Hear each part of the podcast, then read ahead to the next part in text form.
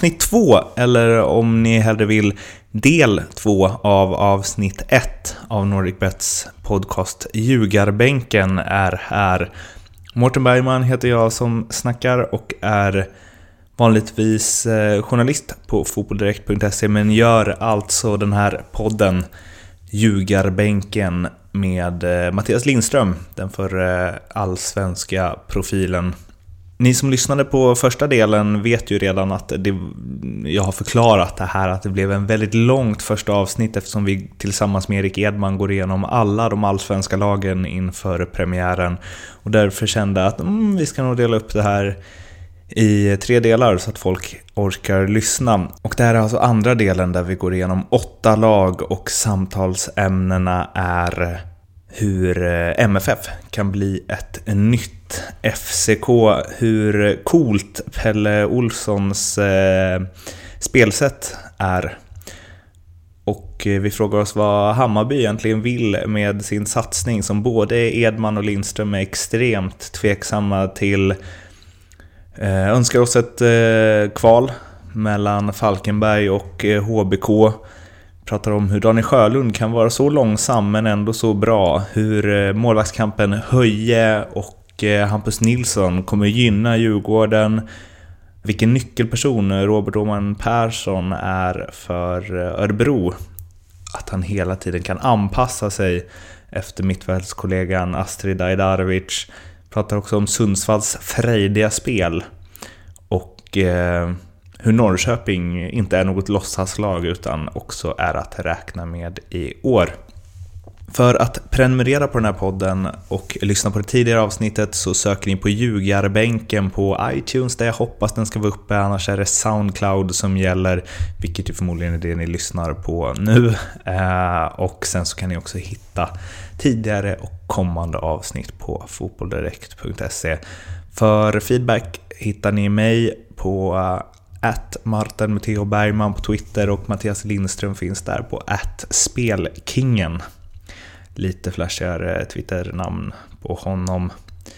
Men nu ska jag inte uppehålla er mer utan vi kör igång del två av avsnitt ett av podcasten Ljugarbänken. Mycket nöje. Yes, nu betar vi av eh, några lag till innan det är dags för nästa Lindström-lista. Och eh, näst på tur, Malmö FF. Vad säger ni om eh, deras fjolår med det som väl var succé i Europaspelet, men ja, i mina ögon i alla fall en, eh, ett fiasko i Allsvenskan ett jättefiasko, så vill jag säga. Eh, för Malmö som klubb. Jag där är jag väldigt imponerad av Malmö och var i Champions League slutspel, gruppspel, två år i rad. För jag vet hur svårt det är. Jag som har spelat Champions League. Har du spelat Champions League Edmark? Tyvärr inte. Nej, tyvärr, just det. Men så att Malmö är ju ett bra lag. Men fjolåret var ett jättefiasko för dem. Jättefiasko. Då snackar vi ändå att det var i Champions League. En sån klubb som Malmö får aldrig hamna utanför Europaplatsen.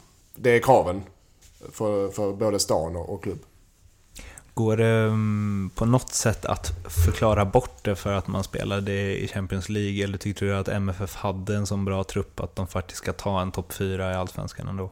Ja, men det är klart de ska göra, men det är ju det svåra ofta det här när man ska dubblera, liksom att, att kunna ha fokus på, på det man brukar kalla bread and butter. Liksom att, att det, den, den dagliga verksamheten är ju någonstans eh, grunden för att kunna komma ut i Europa. Och då är ju allsvenskan nyckeln där liksom. Man måste prestera allsvenskan för att överhuvudtaget ge sig själv möjligheten att nästa år kunna vara med där igen liksom och, och spela i Europa. Och, eh, det är klart att med den typen av dignitet på matcher med Real och, och de här gängen som kom till, till Swedbank så, så stal det nog väldigt mycket eh, fokus tror jag. Och eh, de har svårt att ladda om sen till Allsvenskan på utropstecken har jag bara skrivit eh, wow med stora bokstäver. För att eh, jag tycker att eh, deras eh, spelartrupp är eh, superduper bra med allsvenska mått mätt. Och eh, också när jag tippade tabellen lite väl tidigt kanske, men för någon månad sedan så skrev jag att det är eh, ja, ännu större fiasko eh, i år om de, eh, ja, om de inte tar Europa, absolut. Men jag tycker att det är ett jättefiasko om de inte vinner heller, för jag ser inget lag som är i närheten. Håller ni med?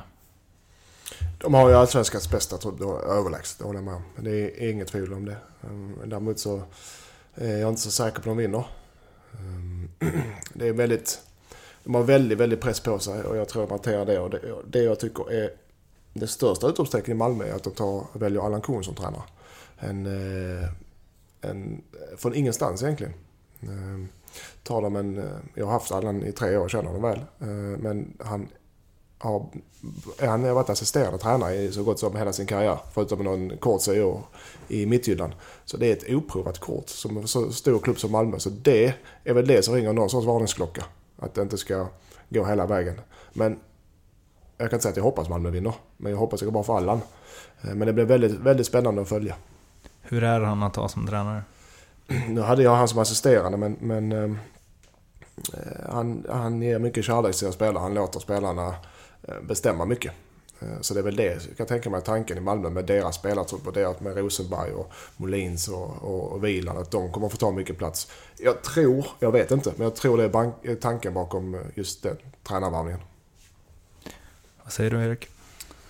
Det är ett spännande grepp. Dansk eh, tränare vill väl förmodligen spela lite mer eh, bakifrån och genom eh, lagdelar och framåt så att säga, än, än vad kanske Åge stod för.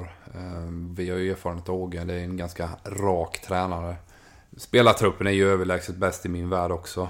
Eh, nyckelfråga såklart Rosenberg, kan han prestera i år igen kan man väl säga liksom. Han var väl inte riktigt lika lyckosam i i Allsvenskan förra året. Men, men eh, ja, en klass-striker som, som eh, är i form så, så gör han ju mycket mål och banar väg och sådär. Sen hade han ju lite halvrisigt humör. Jag tror att eh, domarna kommer ha, ha koll på honom och hans armbågar betydligt eh, mer i år än vad de kanske hade förra året.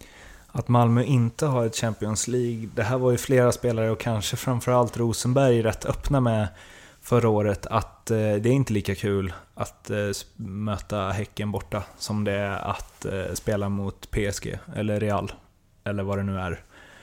Och att de hade lite svårt med tändningen till det. Nu finns det inget sånt, men det kan komma ett Europa League-gruppspel om de eh, först slår Häcken i cupfinalen och sen så lyckas kvala in. Hur mycket tror ni det påverkar hur bra Malmös allsvenska prestation i år blir? Om de, i mina ögon, om de vinner kuppen och går in i Euroleague eh, så tror jag enbart det är positivt. En spelare, eh, en proffsspelare eh, som, som är, ska kunna spela två matcher i veckan utan problem. Rent fysiskt. Och även mentalt. Det är, då kommer det inte bli Real Madrid som kommer att besöka utan det kanske blir Lech Poznan eller något liknande. Och det är bra match för det också men det smäller inte lika högt. Så jag tror, även om de går in i Euroleague så kommer fokus vara på Allsvenskan. Om de inte tar sig in i gruppspelet där då, så har de en ganska många spelare som kanske är vana att vara stjärnor i sina lag och som kanske inte alls kommer få spela så mycket som de vill. Kan mm. det skapa problem? Då, har jag, då tror jag Allan Konen är helt rätta tränaren. Eh, och, och får alla spela och eh, eh, dra åt samma håll trots att man inte spelar och, och hade kunnat spela i vilket allsvenskt lag som annars. Det är han rätt man, absolut. Om man ser på, vi är överens om att de har starkast trupp, men om man ser på de spelare som de har, liksom det är mm, flera svenska spelare som på, varit i landslaget eller på gränsen till landslaget. De har värvat eh, han som vann eh, tippeligans skytteliga för eh, en säsong sedan. Christiansen som väl får anses som på gränsen, eller så här, januari-turné bra i Danmark. Um, om de inte tar guld, alltså är de, är de så mycket favoriter att det hade varit rimligt att kicka Allan Kuhn då? Ja, det tycker jag väl absolut. Eh, det är klart att eh, det vet han nog om också. Om att, att det är en het stol att sitta på om inte man levererar. Liksom. Men det, det är ju inget... Det vet man någonstans när man tar jobbet också tror jag. Så att, eh, det handlar om att prestera och göra bra och vinna såklart. Liksom. I den sitsen de sitter i också nu, Malmö, så har de ju potential och, och liksom kraft, ekonomiska muskler att, att hämta in den här typen av vad ska man säga, svenska landslagsspelarklass. Eh, spelare om man säger. I alla fall för en svensk A-landslagstrupp. Mm. Du nämner den här islänningen, dansken också, är ju, är ju spelare som är med i landslagstruppen. Och den typen av nivå på spelare har ju inget annat lag kunnat hämta tidigare i samma utsträckning. Så det, det gör ju att de har ju en jäkla bredd alltså. Det, de, de andra klubbarna som även som HF med Elfsborg och, och liknande har hämtat oftast hemvända som är så när vi kommer ha två, ett, två år kvar som vi när vi kommer tillbaka, jag och Erik. och, eh, eller på absoluta toppen. Eh, men Malmö hämtar dem i rätt ålder. När de är 26, 27, 28. Och då... Det är helt annan... Det är, som det är, det är ingen allsvensk eh, lag som kan ha råd att göra det. Det är de spelarna som kostar, det är de spelarna som är attraktiva på marknaden. Mm. Och de kanske inte så de kanske inte blir sålt vidare utan de tänker okej okay, Malmö är, är den klubben jag ska spela i eh, ett tag framöver och tänker inte vidare karriären som alla andra gör i Allsvenskan. Mm. Men också att det är någonstans här... När man pratar om dominans i svensk fotboll så kommer man ofta tillbaka till att det är en sån jämn serie och att det ska vara svårt att vinna Allsvenskan flera år i rad och så vidare. Och det är inte tidigt 90-tal längre och hej och Men med de resurser som MFF har nu och som ni säger, de spelarna som de plockar in. Ehm, hur ser ni på möjligheterna att det här eh, MFF kommer bli ett liksom FCK eller ett Rosenborg som de har varit i respektive länder? Absolut, den potentialen finns ju och det är klart eh, målsättningen gissar från Dannes sida också att eh, här ska man prenumerera på, på ligatitlar och eh, ja, det, det, känns ganska självklart med den ekonomi de har. Liksom att man ska vara där uppe, man ska vinna varje år eller i alla fall minst tvåa hela tiden. Och jag tror vi ser ett nytt FCK. Eh, ja. Jag håller med. Jag vill ha med Göteborg där också. IFK Göteborg. IFK Göteborg och Malmö FF kommer bli två giganter i svensk fotboll de närmsta fem åren tror jag. Lite skillnad på ekonomi just nu dock. Ja det är det men, men, ja, men Göteborg är så pass stor i, i sin stad. Så de, de får det stödet de behöver. Gävle är nästa lag. Vad säger ni om, om dem? Erik gillar att prata Gävle så han får gärna börja. Mm.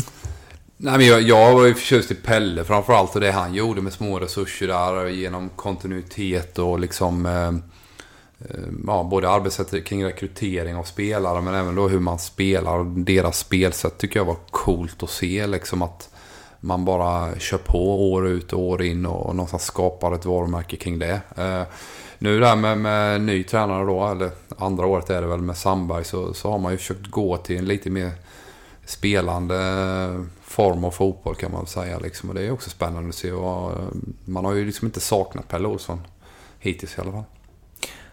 Under upptaktsträffen så tror jag det var Tommy Åström på scen som eh, frågade Sandberg om, eller att ja, han jämförde dem med Stoke.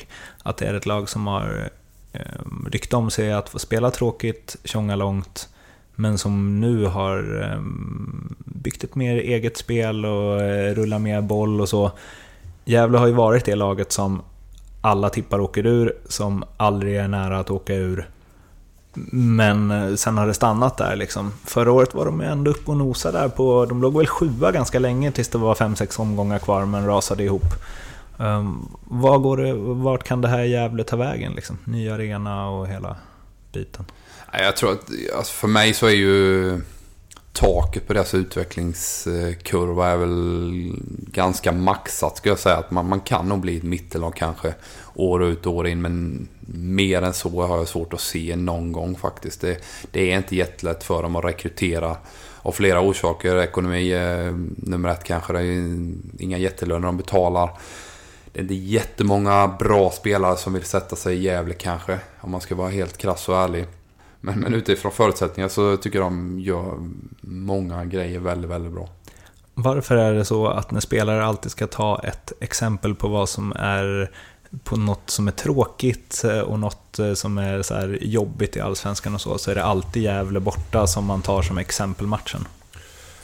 Det, är, det kan jag svara på för det har jag gjort många gånger. Mm. Den gamla arenan framförallt för oss skåningar, alltså det är långa resor upp då. Det blir alltid hårda matcher. Det är inte lätt att åka upp till Gävle och vinna. Det här var förr. Nu är det nog annorlunda. Det, eh, arenan var eh, dåligt konstgräs, stenhårt. Eh, omklädningsrummet var sämst och minst i Allsvenskan. Utan träd. Du kan inte stå upp där för är tvungen att gå böjd rygg nästan.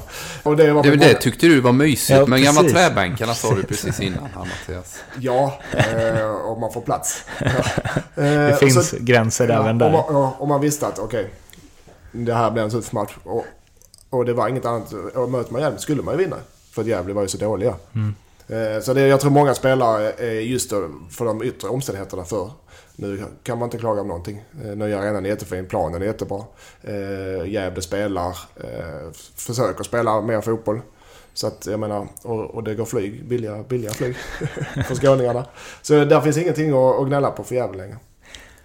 Det här att, eh, alltså de fick ju en del skit, kanske inte Ljungskile mycket skit, men för att inte vilja spela fotboll och spela tråkig fotboll och så. Och det var ju en del spelare som var ute och så här gnällde på det efter att man har förlorat. Vad Ja, alltså, du menar motståndarlaget? pre- Ja, Precis. men då är du bara en dålig förlorare. Ja, jag tänkte ju fråga, inte- vad tycker ni om sånt? Du kan inte gnälla på att du förlorar matchen att motståndarna var dåliga. Eller vad det är så säger? Tråkiga? Mm, tråkiga. Då är du en dålig förlorare. Att de inte ville spela Då är fotboll. du en dålig förlorare. Det är samma som det har i Europa nu med Atletico Madrid och Real Madrid och Barcelona. Det, det är de tre bästa lagen i världen kanske, förutom Bayern München. Men de spelar olika fotboll. Du behöver inte spela på ett sätt för att vara bäst. Eh, Som jag ser det så tycker jag det är en styrka att det finns så många, att det går att få framgång i fotboll på olika sätt att spela. Mm. Eh, Du ser sällan Atletico Madrid för sina matcher som Barcelona gör. De, det, det är ett lag i yppersta världsklassen nu. Mm. Gävle eh, förde inte sina matcher men de vann ofta sina matcher. Eh, eller förlorade inte dem i alla fall. Och det är en styrka. Så man kan ju spela fotboll på olika sätt. Resultatet måste ändå vara det viktigaste. Mm. Jag vet inte om jag fick in att det var ett frågetecken, men vi har redan avhandlat frågetecknet eftersom det var var, var Gävle är på väg och vart taket finns. Men det här med tråkiga lag, vilket är det, vilket är det tråkigaste laget ni mött?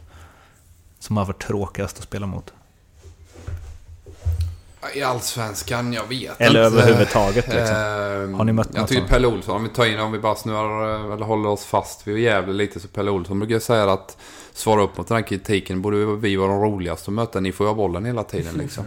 Men ähm, jag, jag kan inte ge något bra exempel. Det är klart att man alltid tycker de stora matcherna är det, det häftigaste kring inramning och sådär. Va? Inramningen på, på Strömvallen eller Fredriks eh, Skans kanske förr var väl inte det häftigaste. Så det är väl ur den aspekten. Sen om hur laget spelar vet jag inte. Det blir bad taste bara att komma med det här i efterhand när man har torskat. Då är det ju bara att hålla truten. Ja, ja, ja. Ett lag som har lite mer folk på sina matcher än eh, Gävle, Bayern. 11 i fjol med 33 poäng. Hammarbys eh, fjolår som nykomling, vilket man lätt glömmer. Hur eh, reagerar ni på det?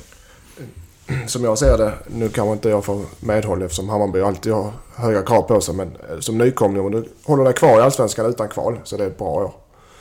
Mm, nu är förutsättningarna för år helt annorlunda. Men om vi pratar 2015 så var det godkänt för Hammarby. Varken mer, varken mindre. Lite speciell nykomling förra året såklart som, som Mattias är inne på med deras förutsättningar då kring publik och ekonomi och, och sådär va. Så, så absolut, det är väl helt okej då kanske. Det är en ny serie. Eh, man för eh, ja, majoriteten i Allsvenskan av matcherna och, och i Allsvenskan kanske man inte är lika bollförande.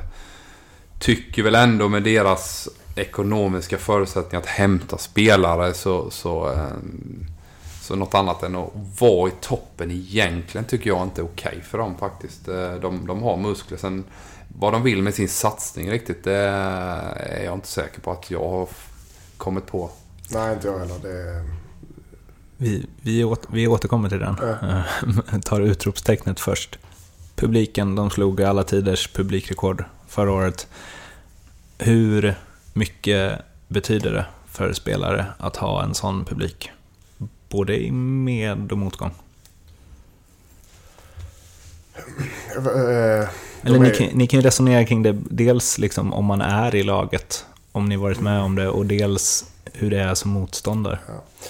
Om jag ska vara helt ärlig så i, just i ett sånt land som Sverige där Hammarby är så extremt publiken är så extremt bra jämfört med många andra lag i Allsvenskan.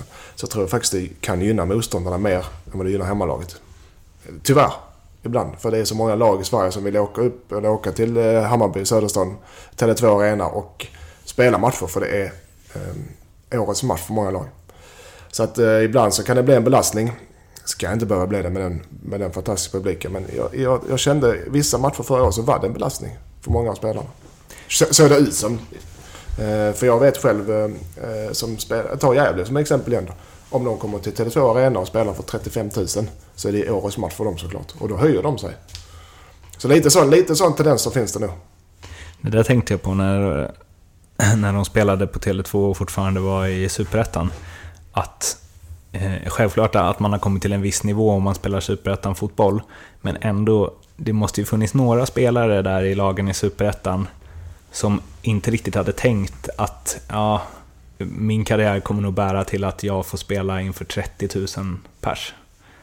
Nej, och där har du med ännu mer extrem ja, Så att eh, det ska ju, rent krasst så ska det alltid vara en fördel att spela inför 30 000 hemmapublik som skriker ens namn. Men, men inte alltid. Håller du med? Ja, arrangemanget är ju av europeisk eh, bra nivå kring, kring matcherna. Sen så känner jag ju också att kompetensen på spelarna svarar ju inte riktigt upp kring, kring eh, publikens förväntningar. Och det blir ju såklart negativt om de då inte är tillräckligt duktiga på att spela. Så, så blir de ju frustrerade. Men det är ju lite så jag känner ibland att när det då går lite knackigt för dem så, så vänds publiken från att vara positiv och glada och hjälpa laget till att istället gnälla ganska, på ett ganska tufft sätt. Jag, jag tror inte spelarna riktigt har kvaliteten att reda ut det där liksom.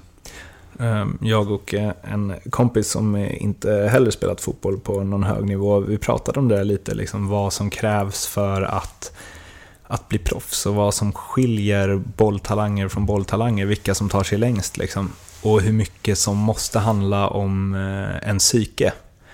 Att det kanske finns spelare som har haft den talangen som Cristiano Ronaldo har, men att när 50 000 buar så kanske de inte kan få ut den talangen är det lite det som, eh, som du är inne på där med att liksom Ja, att alla spelare kanske inte blir bättre av att 30 000 sätter press på dig liksom. Nej, jag tror inte det är en fördel när du då liksom inte riktigt kan leverera. Då blir det ju en, en jättebelastning. Vi var inne på det innan kring det här med press och förväntningar. Och I Hammarbys fall så tycker jag inte riktigt de har kompetensen i truppen helt ärligt för att kunna motsvara alla förväntningar. Eh, de har ekonomi, de har alla förutsättningar egentligen att kunna, kunna lyfta den där klubben till, till eh, ja, en klubb som ska vara med och kunna vinna eh, varannat, var tredje år kanske. Men idag är de ju ja, far off alltså. Ja, jag håller med. De har ju förutsättningar som ingen allsvensk klubb egentligen ska ha. Eh, men de, ja, de, de blir inget lag för över halvan. Det har jag väldigt svårt att säga. För kom, ja, förlåt. Eh, ja, och belastningen, om det är en belastning att spela inför 30, för, för mm. vissa spelare är det absolut. Uh, som inte klarar det rent mentalt. Mm. Ska säga så att de, de som blir bra fotbollsspelare uh, oftast inte är de största bolltalangerna. Bara så uh, du och din kompis får klart på diskussionen. Ja, vi har ju surrat om det, men frågetecknet jag skrivit är liksom det laget som Nanna har byggt nu på två år. Han jag tycker ändå att de har hämtat in spelare som har presterat ganska bra i andra klubbar. Kanske inte för ett år sedan, men för två år sedan. Liksom. Jag tänker på Magyar och Kalili och så vidare. Alltså, ja, som Kalili, han har ändå vunnit allsvenska skytteligan för inte jättelänge sedan. Vad ska kraven på Hammarby vara? Liksom? För de har pengar, de har plockat in spelare som har varit liksom, presterat på topp i allsvenskan för inte jättelänge sedan.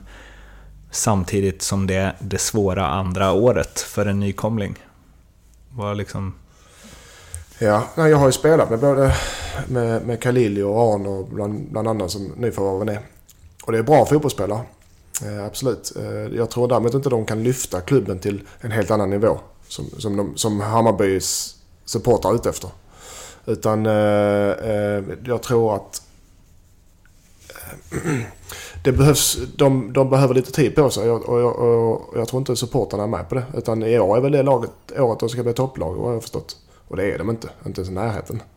Eh, och, och de får väl lite, som Erik var inne på innan, de, de har resurser och ska uh, vara med i toppen.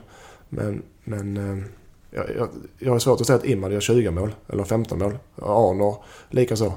Utan uh, de är mer Eh, det, det, är för många spelarlag som är för lika varandra, så jag kan säga det. Eh, för många spelartyper i Hammarby som har samma spelstil. Så det behövs lite mer eh, olika spelartyper som sticker ut på olika sätt. Och det har, jag tycker inte laget har det. För när, jag tippade om åtta tror jag och då var det mycket i den eh, motivation, eller motiveringen var att om Kennedy får vara skadefri, om Kalili kommer tillbaka till den formen han hade i Norrköping och HIF, om Melker Hallberg hittar tillbaka till det han var under Nanny i Kalmar. Ganska många om, och det är sällan alla om slår in. Men om de gör det så känns det ju som att... Eller de har, då har de ju ett bra lag, eller? Backlinjen känns som ett stort frågetecken. Jag tycker, jag vet inte, jag tycker den känns väldigt svag. Eh, Målvakten har väl inte heller riktigt imponerat på mig hittills. Ehm, Där har du två frågetecken till. Ehm, de här andra som du nämner är ju spännande spelare. Men det är som du säger, de ska, de ska vara hela. Kennedy har ju en ålder att fightas mot nu. Sen är han ju fortfarande ruggigt skicklig på fasta situationer. Och när han kan komma rättvänd och, och ladda bössan till exempel. Imad har jättepotential tycker jag om han också får vara frisk. Men han har ju också en skadehistorik. Eh, Eh, ja, hela sin karriär egentligen som man har fått jobba emot. Stort frågetecken för Hammarby alltså. Är det så vi knyter ja. ihop säcken? Ja, vi är väl ganska överens om att det är ett lag från Nederländerna. Se där, se där. Falkenberg är nästa. Eh, 25 poäng i fjol och klarade sig via kval mot Sirius. Och det var verkligen med nöd och näppe. Um, vad tycker ni om deras 2015? Ja, Hasse Eklund, han... Eh, de jobbar emot, en klubb som Halmstad, eller förlåt, Falkenberg jobbar i motvind varje år. Halmstad också. bra bra felsägning där. Ja. Eh, med resurser och, eh, allt intresse och allt vad det är. Det är ju en liten klubb. Och har klarat, gjort det jättebra. Men, men eh, förra året var det på snöret och jag tror det, det snöret spricker nu i år. Tyvärr. Jag, jag gillar när det är sådana här små klubbar och små byar som Falkenberg kommer upp till de stora jättarna som Malmö och Göteborg. Men eh, någon gång tar det faktiskt stopp. Sen har de ju också ett arenanamn som man vill ha i Allsvenskan. Är inte Falcon alkoholfri arena? Ja, ja. Det är därför det... Jag gillar inte att spela där uppe. Vad tror du Erik? Eh, jag tror också att de ryker i år. Det är fantastiskt vad de har gjort. De har varit uppe två år och klarat sig två gånger. Men eh, det är dags att de eh, drar ner till Superettan nu tror jag faktiskt. Eh, jag är väldigt, väldigt förtjust i den här nya unga strikern, eh, Gustav Nilsson. Tycker han känns jättespännande. Han löper mycket. Han har en size som är internationell och tror han kommer få en fin karriär. Tyvärr gick han väl till Bröndby så det mm. känns som ett väldigt märkligt val. Eh, märkligt steg för honom i, i, sin utveckling. Men hur som helst, jättespännande spelare som de också kommer tappa i sommar. Så det, det blir viktigt att kunna ersätta honom och den här eh, Hakim Araba eh, blir ju ännu viktigare då. Vad är det ändå ja, som utropstecken som är skrivit att de har ju skrällt eh, två år tidigare nu Eh, vad är det som har gjort att de har kunnat göra det och kanske kan göra det ett tredje år? Det är ju det gamla klassiska teamwork, svenska eh, kvaliteten där på, på lag som presterar bra. Att kunna, kunna jobba stenhårt tillsammans och någonstans ställa upp på en, en, eh, ja, en matchplan och, och jobba stenhårt eh, efter det. Va? Match ut och match in, även då när det inte Eh, går jättebra. Jag vet Henke hade väl en, en streak på, på fem matcher där de torskar. Men någonstans kör man bara på och tror på det, det tränaren eh, har satt upp. Alltså, det är ju någonstans det som har tagit dem eh, dit de är och, i år. Eller att de fortfarande är kvar i Allsvenskan. Och sen frågetecknet var ju lite det också som surrade om de lever på eh, lånad tid. Ganska många tror jag det är som tippar dem sist. Ehm, gör ni med det? Kanske inte sist, sist men eh, absolut eh, nedflyttningsplats det tror jag. Eh, jag vill som sagt inte det men jag tror att i år så får de nog vika skägget. Vad saknas för att... De saknar ju såklart, det, det, det, laget fungerar okej men de saknar ju riktigt etablerade stjärnor och spelare som kan avgöra matcherna som, när det står och faller på, på målsnöret. Det är det de saknar. Om man får önska där så vill man ju nästan ha ett kval mot HBK. Ja, det önskar vi. Det kan vi, vi kan önska det i vår podd ju. ja, då är det, då är det önskat. Ja. Lindströms lista igen. Ja. Mittfältare och anfallare. Mm. Topp tre i Allsvenskan. Du får... Eh, börja med mittfältarna? Det gör vi. Eh, där tar vi, eh, även jag är inne på lite rutinerade, jag har lite förkärlek till det. Mm. Men eh, nummer tre. Eh, Är det dina gamla polare? eller? det är mina kompisar. Det tänk, tänkte jag på på back. Det är bara vänsterbackar liksom. Ja, som du, tänkte, om de stoppar mig så måste de vara allsvenskans bästa backar. Det var ganska naturligt. ja, det är. Eh, var för mitt ego lite. Eftersom, om ni inte håller med mig får ni säga till. Ja, ja. Lindströms lista, Lindströms lista, Lindströms lista. Daniel Sjölund är nummer tre, IFK Norrköping. Mm. Bästa mittfält i Allsvenskan. Eh, Så, eh, jag han är, Daniel Sjölund är egentligen inte bra på någonting. Han har ju fantastiskt bra passningsspel får man Ja ju ändå jag, ge ja, honom. Mm. ja, men jag var lite ironisk. Utan han är allround på allt. Och, och läser spelet bra. Man märker att han varit med länge i Allsvenskan för han placerar sig på ett sätt som många spelare har problem med i Allsvenskan. Läser var bollen ska hamna, läser försvarsspelet. Håller ihop, han och Andreas Johansson och Mitov där. eh, Och Kujovic. Håller ihop det laget eh, väldigt, väldigt bra. Det måste jag säga om eh, Sjölund. Från sidan, när man inte har spelat fotboll eh, på den nivån själv, liksom, det ser ut att gå så långsamt. Men ändå är det ingen som tar bollen av honom. Nej, det är det jag menar. Han, han, han använder sin rutin, ja, Erik. Ofta de här centrala spelarna, även, även på riktigt, riktigt hög europeisk nivå, är ju ganska långsamma. Van Bommel, Lampard, Pirlo. Pirlo är jättelångsam. eh, Iniesta är visserligen kvick, men, men det är ingen snabb spelare. De har ju någonting annat. Det är den här att kunna orientera sig och, och liksom ha koll på omgivningen innan man får bollen och kunna leverera den då innan. Och flytta den på första touch och sånt där. Så det är ofta det här med att man kan orientera sig eh, innan man får bollen som är nyckeln till deras eh, överlevnad kan man säga. För den, är det någonting som, ja det är klart man måste ha en, liksom, en bra grundtalang för fotboll, men är det någonting som man kan träna sig till eller är det mest en grej man föds i att liksom, för det känns som Pirlo till exempel, där känns det ju som att allt som händer på planen går lite långsammare för när han ser det och därför får han så himla mycket tid att göra det han ska. Liksom.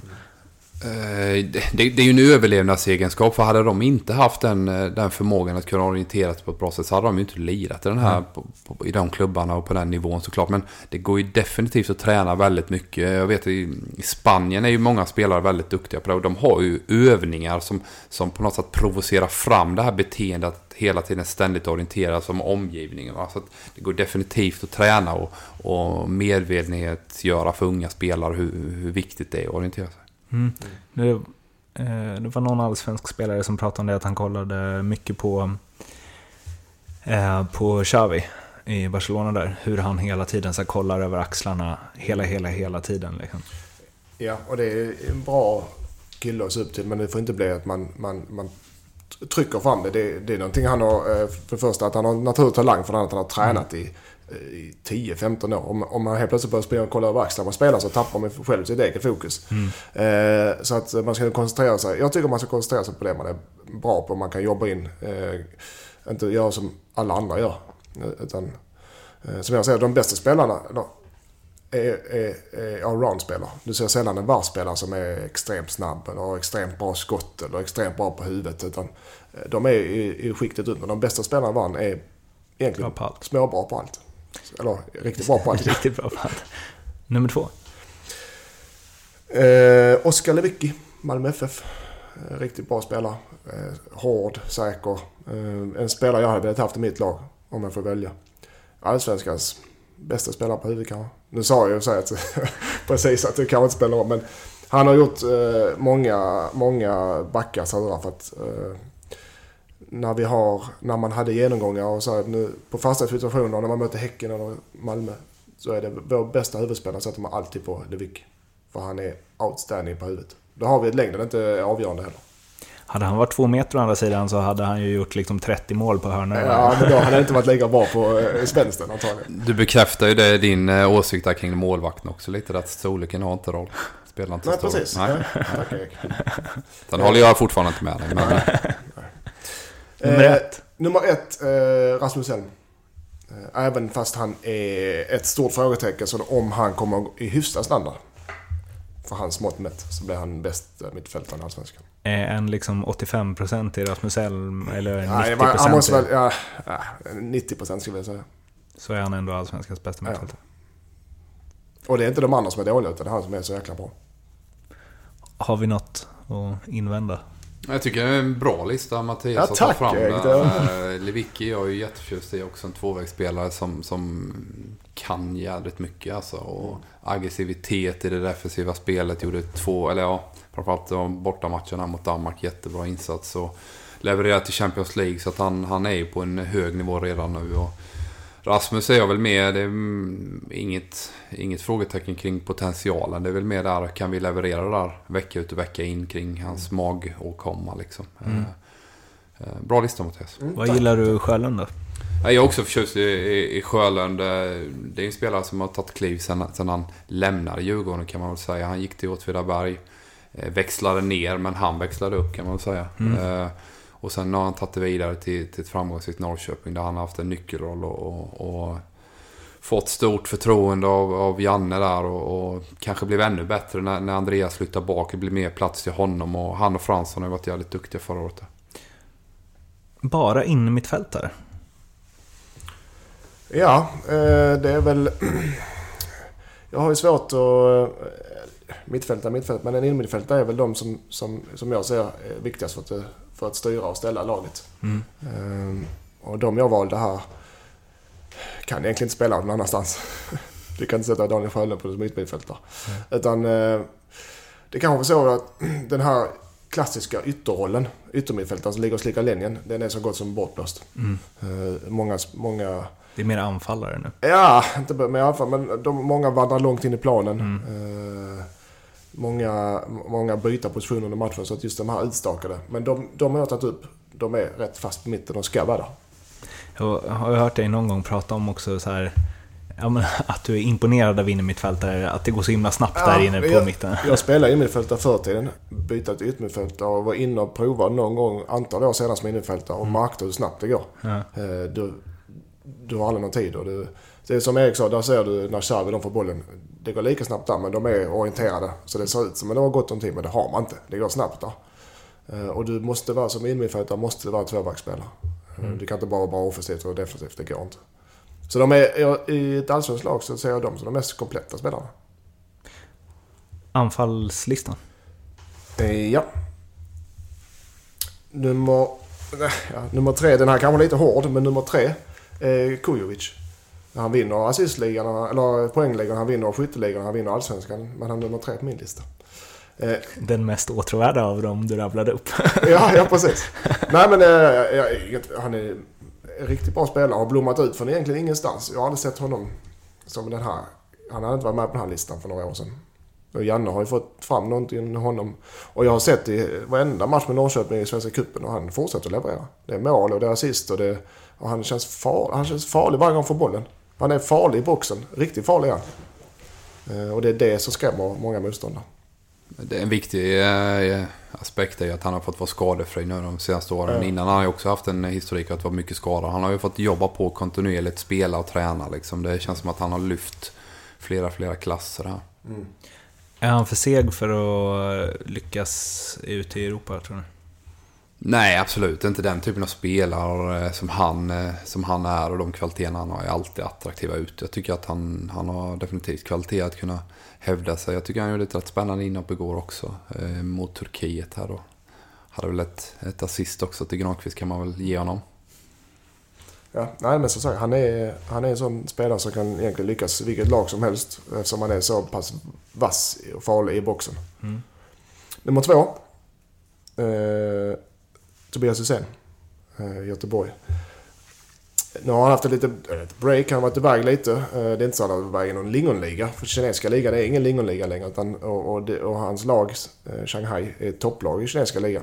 Jag har sett dem spela ett par gånger och det är ett bra lag. Eh, så det är inte så att han har varit på dekis. Jag tror han kommer tillbaka ännu starkare än när, än när han lämnade. Och Göteborg som sagt är offensivt lagda. Så han kommer komma chanser och han kommer spela. Så han, han är viktig för sitt lag. Väldigt viktig. Och vi ska komma tillbaks till eh, Hysén sen, så vi går direkt vidare till första platsen. Nummer ett, Markus Marcus Rosenberg. Är en, en så pass viktig spelare för sitt lag. Och är, han gör mål, men han är egentligen viktigare i, i spelet utan, utan boll. Kämpar och sliter. Eller han är med i boll, förlåt, men viktigt i spelet utan att göra mål då. En anfall. Egentligen vill jag... Han är en anfallare som kan vara guld värd fast han inte gör mål. han är så pass eh, viril i spelet och sätter motståndarna under, under ständiga frågor. Så han är... Och det är, det är en klassspelare, det ser man rakt igenom. Om man kan tygla sitt humör som eh, Edman säger. Håller du med? Ja, Marcus har ju sen han kom hem eh, bara levererat eh, från dag ett. Känns det ju som. Så att, eh, ja, han är nummer ett även på min lista. här. Då går vi tillbaka till de allsvenska lagen. Djurgården. Utropstecknet jag satt där, de kom ju sexa i fjol med 51 poäng och det var det nog inte supermånga som trodde innan. Många unga utvecklingsbara spelare som kanske tog lite större kliv än vad många väntade sig. Eh, vad säger ni? Jag tycker ju Djurgården har liksom eh, byggt om kan man säga lite med, med tufft ekonomiskt läge och, och städat ut lite gamla spelare och, och plockat in eh, en hel del spännande spelare. Så det känns som att de har ett, ett sunt bygge på gång. Eh, Jag är väldigt förtjust i Embrapti. Tyvärr gick han ju Det är jag sönder. också ska jag säga. gick han ju sönder här nu och um, tror väl dock inte att det är ett riktigt topplag ännu i alla fall. Men, men eh, topp 6 kanske. Mm. Jag eh, håller Djurgården ganska högt. Eh, Jag är lite besviken på den förra säsongen och i cupen men jag ser också som ett topp 6-lag om de får sina spelare friska.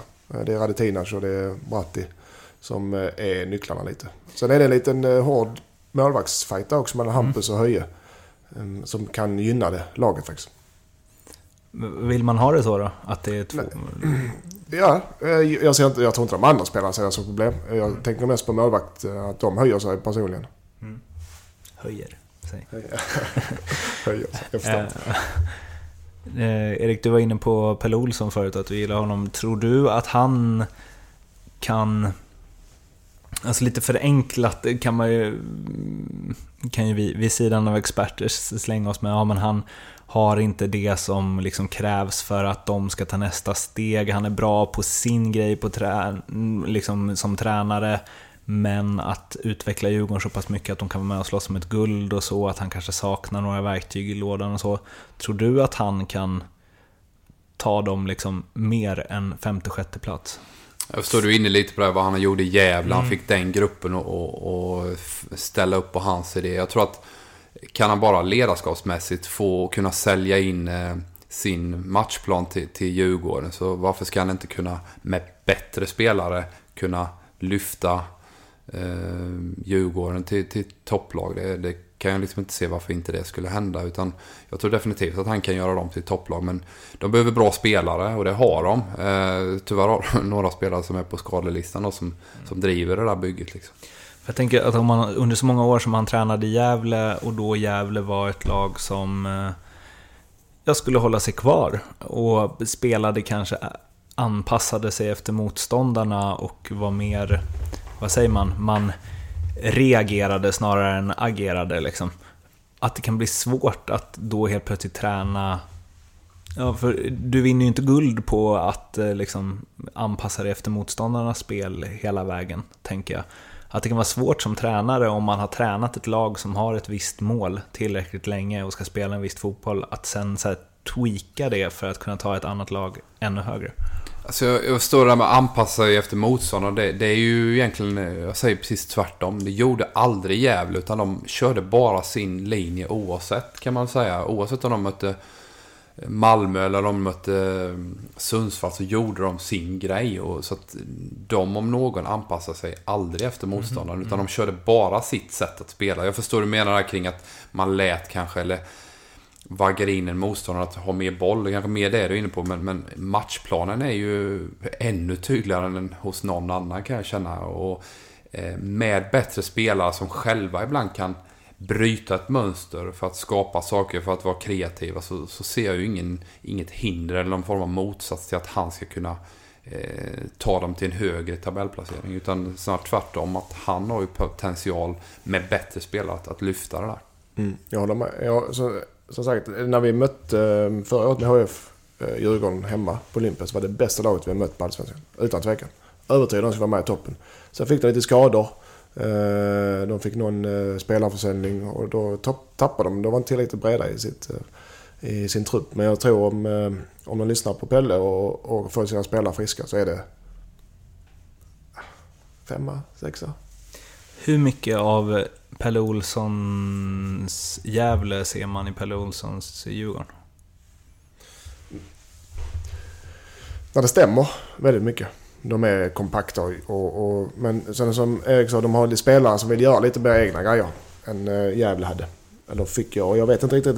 Han släpper, känns som att han släpper sina spelare lite mer fritt eh, i Djurgården än när han gjorde i Gävle.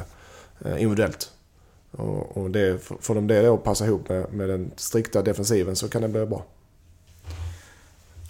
Frågetecknet där, eh, vi var inne på det, Mrapti eh, är borta till, ja, han lär väl komma tillbaka i träning någon gång i augusti. Eh, Radetinac har varit skadad länge och är ju igång nu igen men har säkert en bit till eh, toppform. Eh, Radetinac eh, öste ju in inlägg till, ja, framförallt Musekwi förra året. Och Mrapti var väl, han blev väl utsedd till årets nykomling på mm. fotbollsskalan. Hur tunga är de här tappen? Nej, men de är jättetunga såklart. Liksom. Så, Mattias är inne på det, bredden finns inte riktigt där. Man har inte ekonomi att ersätta den typen av spelare. Så klart att det kommer bli ett eh, tomrum att fylla. Um, um, jag vill ändå se att ja, övre halvan kanske någonstans där landar Djurgården. Uh, nu har vi Ranegi. Uh, att inte förglömma, som han går under radarn eftersom han inte spelar kuppen men det tror inte jag personligen han kommer lyfta laget. Men det kan ju bara vara spännande att följa. Varför tror du inte det? De spelar ju ändå en eh, fotboll som är ganska så här mycket inlägg och... Ja, nej visst alltså deras spelstil kanske passar honom men jag tror han är... Eh, just för år, eh, han behöver nog mer tid på sig. Och komma igång. Och komma i ett lag kanske som äh, har lite mer äh, spelare som kan servera honom. Äh, Ranegi är ingen spelare som gör på egen hand. Utan han behöver den på huvudet i boxen. Mm. Så att han behöver lite tid på sig att man ska bli något genombrott. Mm. Örebro, 37 poäng, 9 i fjol. Där gjorde jag det så enkelt att jag satte utropstecken för eh, höst och frågetecken för vår. De har haft två säsonger på raken då de eh, gått kräftgång på våren förutom ja, 2014 så var det väl eh, första fyra, fem matcherna som de ändå gjorde det bra. Eh, och sen så på hösten så har det varit tio raka segrar istället.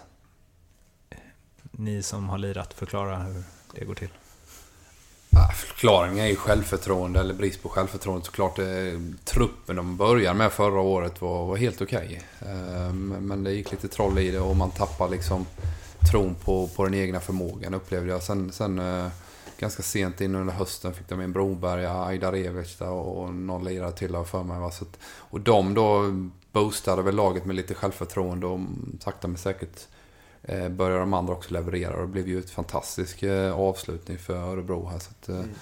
Mycket längre så eh, vet jag inte. Men... Nej, Örebro är väldigt mittenlag. Eh, kan jag tippa. Eh, de eh, har också en del spelare som kan sticka ut lite men det, också, det känns ojämna. Jag eh, vet inte riktigt, jag vet, om jag, jag vet inte riktigt vad jag har i Örebro. Eh, vissa matcher kan de glimta till och vissa matcher är de fullständigt under isen. Så där, där behövs nog eh, någon, fler ledartyper kanske. Du har Ropp. Mm. Men han kan inte göra allt själv. För att jag satte dem som fyra för att jag tycker att liksom, det är dags att de får både vår, höst och stämma. Och att jag tycker att de har ett sjukt intressant lag. Mm. Alltså uh, topparna är ju, i, om, de, om liksom Broberg och um, Astrid kan fortsätta så är det och liksom Råp, DG, Kamara tillbaka på topp, uh, Almebäck tillbaka i backlinjen. Mm. Två, kanske allsvenskans bästa målvaktspar. Alltså, mm. Och Axén som jag gillar skarpt. Mm. Ja, jag har, haft, haft jag har haft Axel. Ja, det, han och Axel Kjell tillsammans är ett jättebra tränarteam. Mm. Axel jobbar väl lite i bakgrunden. Eh, jag vill också gärna Örebro ha dem högt upp men jag tror inte det, som sagt, jag tror inte deras... De har, som du nämner, många bra spelare. Eller många, en del bra spelare. Men bredden är heller inte riktigt Så det, mm. det, jag tror de kommer... Eh, de kommer inte topp 5. Det tror jag inte. Mm. Sen är det, i och för sig, det motsäger lite vad jag säger för att ett sånt lag som Örebro borde vara sämre på hösten när skador och avstängningar och sådana mm. grejer kommer. Ja, men det var tvärtom. Så det kanske är så att de eh, slipar formen bara och, de, och, och blir ett, eh, ett, en överraskning. Men jag tror fortfarande att de har för lite bredd. Ehm, Jag pratade med Råp om det här också eh, och han hade ingen bra förklaring men då gör de en jättedålig vår, eh, självförtroende i botten och sen under sommaren så tar de in en eh, Astrid Ajdarevic som ju inte, eh, ja, det, han glänste ju inte direkt i HF och de tar in Martin Broberg som har suttit på bänken i Djurgården och sen så bara exploderar allt. Man har dåligt självförtroende, får in två spelare som borde ha dåligt självförtroende. Och så vänder allt och de vann typ 11 av 13. Eh, Den psykologin. Ja, min, min erfarenhet av det här med att plocka in spelare som har suttit i eh, frysbox eh, ett tag är ju ofta att de behöver ju värmas upp. De behöver tid att värmas upp liksom innan de kan börja leverera och framförallt leverera över tid. Liksom att kontinuerligt prestera vecka ut och vecka in. Det gjorde de ju faktiskt direkt. Mm. Eh, Ajdarevic eh, blev en nyckelfigur. Broberg gjorde, avgjorde jättemånga matcher. Så det var ju imponerande av de två framförallt. Och kunna gå från frysbox till eh, stekheta hela hösten. Det, är- det är otroligt häftigt tycker jag. Jag tycker att Oman Persson också en nyckelfigur där kring, kring balansen på deras mittfält. Där Ajdarevic eh, flyter runt lite där han, eh, där han vill vara. Mm. Och, och Oman Persson faktiskt anpassar sig efter var Ajdarevic är. Och det, det skapar en balans för dem på mittfältet tyckte jag som var, som var väldigt eh, sund och bra för, för deras prestation. Men Om du tar en sån som Astrid. Eh, min teori är att han kom från Belgien. Eh, där han var i frysboxen. Kom till HF och blev bevisad att han var toppspelare i Allsvenskan. Och gick inte som han tänkt sig. Så kom han till ÖSK på hösten där. Och, och fick en ny chans. Och verkligen nu ska jag visa. Och tog den. Det kan finnas lite risk om jag känner honom rätt. Att det blir lite, lite mättnadskänsla. Redan innan säsongen har börjat. Eftersom han redan bevisat att han, vad han kan igen. Mm. Jag har den, den, det kan finnas sån tendens hos honom. Han, ska, han skadade sig också på försäsongen nu. Ja, Framsida Ja. år eller vad det var. Ja. Baksida då. Eh, jag ska inte säga lathet, men lite, eh, kanske lite att okej, jag har bevisat vad jag kan och jag kan plocka fram det när jag vill. Men frågan är när jag vill plocka fram det. Det Mm. blir inte varje match i 90 minuter i 30 matcher. Att han... Eh, Eh, Det är bara en teori. Jag Ja. vet inte. Nej men det, förlåt eh, Mårten, men det, jag tror också det här precis som du säger att har du då inte spelat kontinuerligt så finns det ju en fara i, i att man inte kan upprätthålla någon form av eh, prestationsnivå. Eh, för tränar du och spelar kontinuerligt så någonstans så är du fysiskt igång. Eh, du, du hittar din nivå lättare till match hela tiden. Och när när du har suttit då och varit iskall ett tag så, så kan du lite med nyhetens behag i början leverera. Eh, Men ofta kommer den här dippen. Va? Den kom ju inte i höstas på de här två lirarna. Nej. Men det är möjligt att den kommer nu Nej, istället. det, det behöver inte göra det, men jag bara tänker eh, eftersom jag inte har Örebro högre upp i min egen lista. Men um, Astrid i HF i, i fjol, när Henke värvade honom så var det ju stora ord och han liksom verkligen gillar den här spelartypen. Det pratades om att han skulle användas som forward eller släpande forward och så. Um, varför funkar det inte tror du? Nej, Astrid, eh, det finns ingen tvekan om att han har fruktansvärt bra fotbollskvaliteter. Så det visar han även i HF eh, den korta tid. Men han, eh, han, var, eh, han var lite otränad och när han kom och hade behövt, här hade han behövt mer tid på sig HF. Eh, Men här skulle han in och prestera direkt. Och han var inte, han var inte tillräckligt bra fysisk form helt enkelt. Han hade inte spelat fotboll på jättelänge. Utan den slipningen han fick här i HF använde han sen i ÖSK. Mm. Så det var kanske det rätta valet för honom.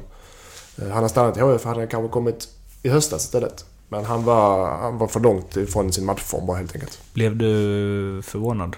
Över att, Nej, nej, nej. Jag såg som sagt, jag ser att han är fotbollskvalitet och en duktig fotbollsspelare. Eh, Sen att han var lite otränad, det, det, det såg man ganska snabbt. Blev du lack? Nej, jag, jag poäng. vet att eh, alla, har man en lagkamrat som gör sitt bästa så kan jag inte bli sur. Nej. Nej, men jag menar, trist att han gjorde 10 ass för dem istället. Jaha, du menar så? Ja, jag har slutat. Jo, nej, nej, men så, jag, eh, det är kul för honom att han får ut sin fotbollskvalitet, absolut. Eh, Det är inte så att jag blir sur för att motståndarna är bra. Det, kan, det är också en dålig förlorare. Mm. Det är kul när det går bra för andra. Nej, det håller jag inte med om. Eh, vi går vidare till Sundsvall. Eh, 32 poäng i fjol, eh, 12 Och vi surrade lite om det innan.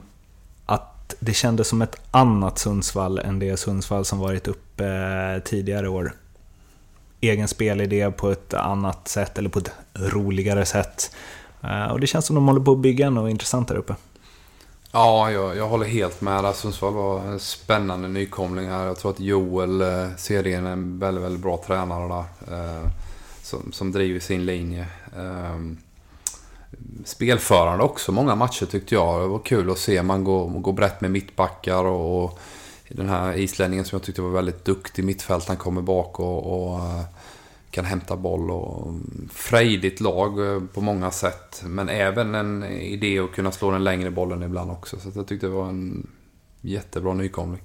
Vad kan man förvänta sig där i år då? De tappar ju...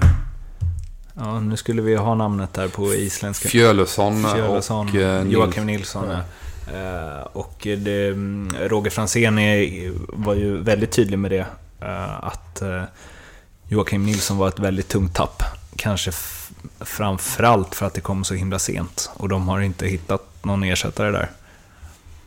Nej, och det, det är ju, det är ju sådär, det har ju med ekonomi att göra. Ofta vill man ju då när du, när du, när du om du kan planera en försäljning så är det ju det bästa. För då kan du också innan du har sålt din spelare scouta och kanske till och med plocka in en ersättare tidigare. Och det är klart att med en tuff ekonomi så kanske man inte vågar hämta in någon för då sitter man på dubbla dubbla spelare om, om då eh, en, en transfer brinner inne liksom. Um, så det, det, förstår jag att de känner att, att det, det, är tufft att ersätta honom och framförallt då med, med den prestationen han levererade hela förra säsongen så är det ju ett jätteavbräck för Vad fick man när man mötte Sundsvall förra året? Det är som ni varit inne på, Sundsvall som man inte är van att se. Uh, Sundsvall spelar en frejdig fotboll. Spelar uh, de gångerna vi mötte dem spelade de ut oss fullständigt. Men saknade udden. Kom inte till eh, lite... Eh, kom, höll, hade mycket possession och höll bollen mycket i laget. Men kom inte till de här riktigt, riktigt heta chanserna. Och i Allsvenskan så kan det straffa sig. Eh, för förr eller senare så får motståndaren chans. Det var väl det som var deras största nackdel. För jag tycker Sundsvall, jag blev väldigt, väldigt överraskad. Positivt överraskad. För de, Sundsvall har något bra på gång. Och de kommer med all säkerhet stanna kvar i Allsvenskan nu. Är det en klubb som håller på att etablera sig på riktigt liksom? För de har ju varit lite lindansare. Ja, men jag, jag, tror att den typen av klubb som Sundsvall är med, med begränsade ekonomiska förutsättningar kan, kan växa nu i, ett, i en miljö nu med allsvenskan där många sliter ekonomiskt. Det är ju inte många lag som, som... Det är ju bara Malmö, kanske Häcken och AIK då och då som kan hämta in de här tunga förvärven, ge en saftig lön. Utan de, de allra flesta får ju brottas med väldigt tuffa förutsättningar. Och det tror jag kan gynna de lite mindre klubbarna. Och Sundsvall är ju ändå en sån eh, förening som jag tror att, eh, ja, gediget bygge som, som eh, kan ligga i och lura lite. Och, och jag tror att de kan gynnas av, av att allsvenskan kanske är ekonomiskt svagare. Liksom. Mm. Vill du tillägga något? Ja, jag håller med. Allsvenskan eh, håller på att dela sig rätt rejält. Med, med de stora rika klubbarna kommer att dra iväg. Vi har tre stycken som kommer vara överlägsna de närmsta 5-6 åren. Sen så öppnar det för dem att det blir jämna allsvenskan där under. Mm. Mm, jag såg ehm, eh, den eh, tabellen över ukrainska hockeyligan häromdagen. Ja, den brukar jag också ta och kika på. Den är ju den är fantastisk. Att det är så här, tre lag som har 113 poäng och sen så är det två som har 65 och ja, sen så, så, är det tre som har 18. Mm. Eller så extremt kanske. Men, men äh, ja, där har du ännu mer svart på vitt vad pengar gör. Ja, ja verkligen.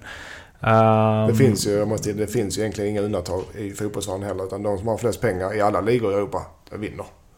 Det är därför vi håller stenhårt på Leicester nu. Ja, precis. Norrköping. 66 poäng tror jag det blev där. SM-guld utropstecknet är förstås typ hela laget kvar. Förutom Alexander Fransson, som i mina ögon vid sidan av eh, Ante Johansson var deras eh, bästa spelare förra året. Medan det var nästan Sjölund som fick all den eh, credden. Jag tyckte nog att han var allsvenskans bästa mittfältare. Um, men som sagt, det är enda tappet. Och nu ska det kvalas till Champions League och SM-guld ska försvaras. Fast det är väl egentligen ingen som förväntar sig det, fast truppen ser likadan ut. Vad, vad ska man förvänta sig av Norrköping? Det, det, jag har sett de, de eh, både startar redan i Algarve, det är turneringen där nere. Eh, spelar mot Zenit och spelar bra fotboll. Eh, och det är, ingen, det, är ingen, det är inget låtsaslag längre.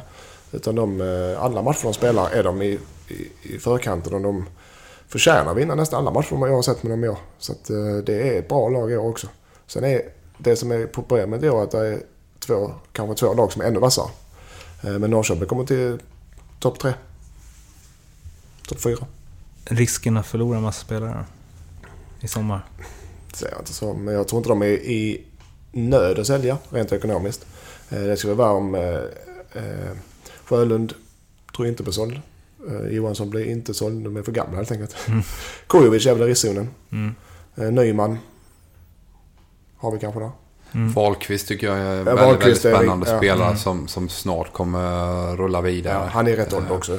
Mm. Du, du, har ju den, man sitter och liksom tippar den allsvenska. Eh, så sitter man i, i mars här innan serien börjar och sen kommer ett sommarfönster och så tappar man två, tre spelare mm. och så eh, har de kanske förväntningar i år som de inte hade förra året. Mm. Så skulle Kujovic dra eh, så det är tungt för äh, Abräck. Skulle Wahlqvist också dra va? och så kanske de med förväntningar så kan det helt plötsligt eh, bli väldigt, väldigt tuff höst för dem med, med mer matcher och så vidare. Va? Men, men eh, det är ett homogent bygge som, som definitivt kommer plocka poäng under våren. Sen får man se hur många stannar och hur det kommer gå i det här kvalet mm. också. Mm. Mm. Ja. Är ni förvånade att de egentligen bara tappade Fransson av de som det hade svidit att tappa liksom? Alltså mästarlag blir alltid sönderköpta. Mm, nej, inte egentligen. För att fortfarande Norrköping var lite, även fast de var allsvenska, lite underdogs. Det känns inte som att de slagit igenom på den internationella transfermarknaden. Mm. För det, det, är lite där också. Vi kan köpa spelare från eh, Malmö eller AIK, mm. men varför, varför, ska vi köpa från Norrköping? Mm. Eh, lite den, så är det såklart inte, men lite så känns det som. Mm. Man, man, vill ju oftast, jag tror att när en europeisk klubb kommer och tittar så vill man ju liksom få någon form av kvalitetsmärkning på en spelare. Och då handlar det ju om att, att spelaren någonstans har levererat i en miljö som är jämförbar med, med dit man vill köpa honom. Va? Och där har vi ju ett antal spelare som är väldigt spännande i Norrköping. Men de har någonstans aldrig riktigt tävlat på, på en landslagsnivå. Mm. Eh, Frans har varit med lite i det här u laget men han var, ah, liksom, fick inte spela EM och, och Wahlqvist var med i VM där för, för 96 men han har någonstans inte levererat på den höga nivån. Och då ställer man ju alltid ett frågetecken som köpande klubb också. Kommer han kunna göra det han gör nu i våran miljö på en högre nivå? Och där kanske eh, man inte riktigt vet med, med Norrköpingsspelare. Utan Kujovic är med i landslaget nu. Eh, kommer definitivt dra till sig mer blickar. Eh, under våren. Eh, Wahlqvist kommer säkert vara med i u också nu. Mm. Eh, Fransson var med i u och han, han, han drog vidare. Ja, har vi Kujovic som gör... Ja, det räcker. Det kommer 5-6 mål innan sommaren, så är han väck. Uh, Ante Johansson och um, Sjölund då? De får nog vara kvar. Ja, Nej, men, men där... Alltså det går ju att argumentera för att de pikade förra året. Att de maxade sin... Alltså, förr eller senare vänder det ju. Eller? Jo, såklart. Eh, men eftersom eh, Ante gick ner ett steg och blev mittback så han, la han på ett par år eh, på sin karriär där. Och Sjölund har den kroppen så han har säkert ont, jag är övertygad om. Men han är lätt i kroppen och har inga större skadebekymmer just nu. Så han kan nog Släpa med sig ett bra år till på toppen. Sen kanske det börjar gå ner för Men just i år så kan det nog gå okej. Okay. Han ser äldre ut än vad han är. Jag vet inte, är 22? Nej, Nej han, har, han, har, han har minst ett år i, på toppen i sig kvar. Det här att eh, liksom ingen trodde på Norrköping i fjol. I år tar man dem på allvar. Ehm, att det gynnade dem att ingen trodde att de skulle hålla hela vägen förra året. Det är alltid lättare att vara underdog, liksom slå underläge när man inte har förväntningar på sig. Det är klart att det är lite mer tryck har man ju, men någonstans så är det fortfarande ganska realistiska förväntningar att nej, men de är inget, de är inget absolut topplag. Och, och så, någonstans lever det där ändå kvar, i alla fall i min bild i alla fall. Att, att, att jag tror ändå att över halvan och, och, lite till liksom, om de får behålla laget. Så jag tror jag det kan bli, gå lite knackigt under hösten här om de tappar de här spelarna som vi var inne på. Plus då ett Europaspel med, med tuffare spelschema. Så liksom en, att de tar en Europaplats, alltså topp fyra, då gör de det bra eller? Jättebra i min värld. Mm.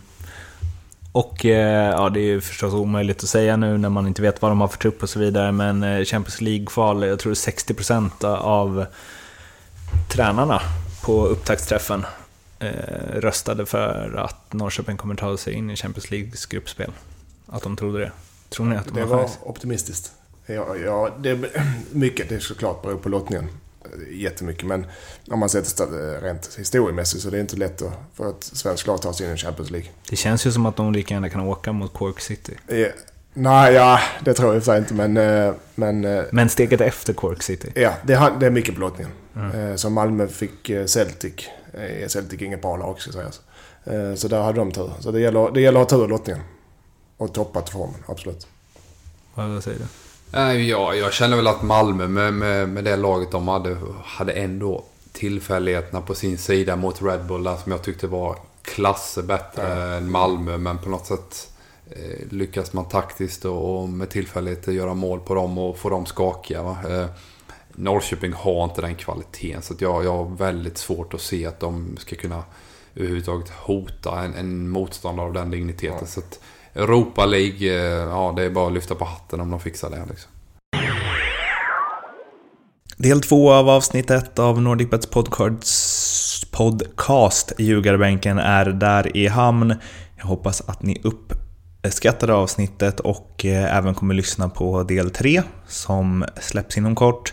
Men också del ett om ni inte redan gjort det. Och som sagt, feedback finns eh, både jag och Mattias på Twitter. Att Martin med TH Bergman är till mig och att Spelkingen är till Mattias. På återhörande då och så får ni ha det så gött så länge. Hejdå!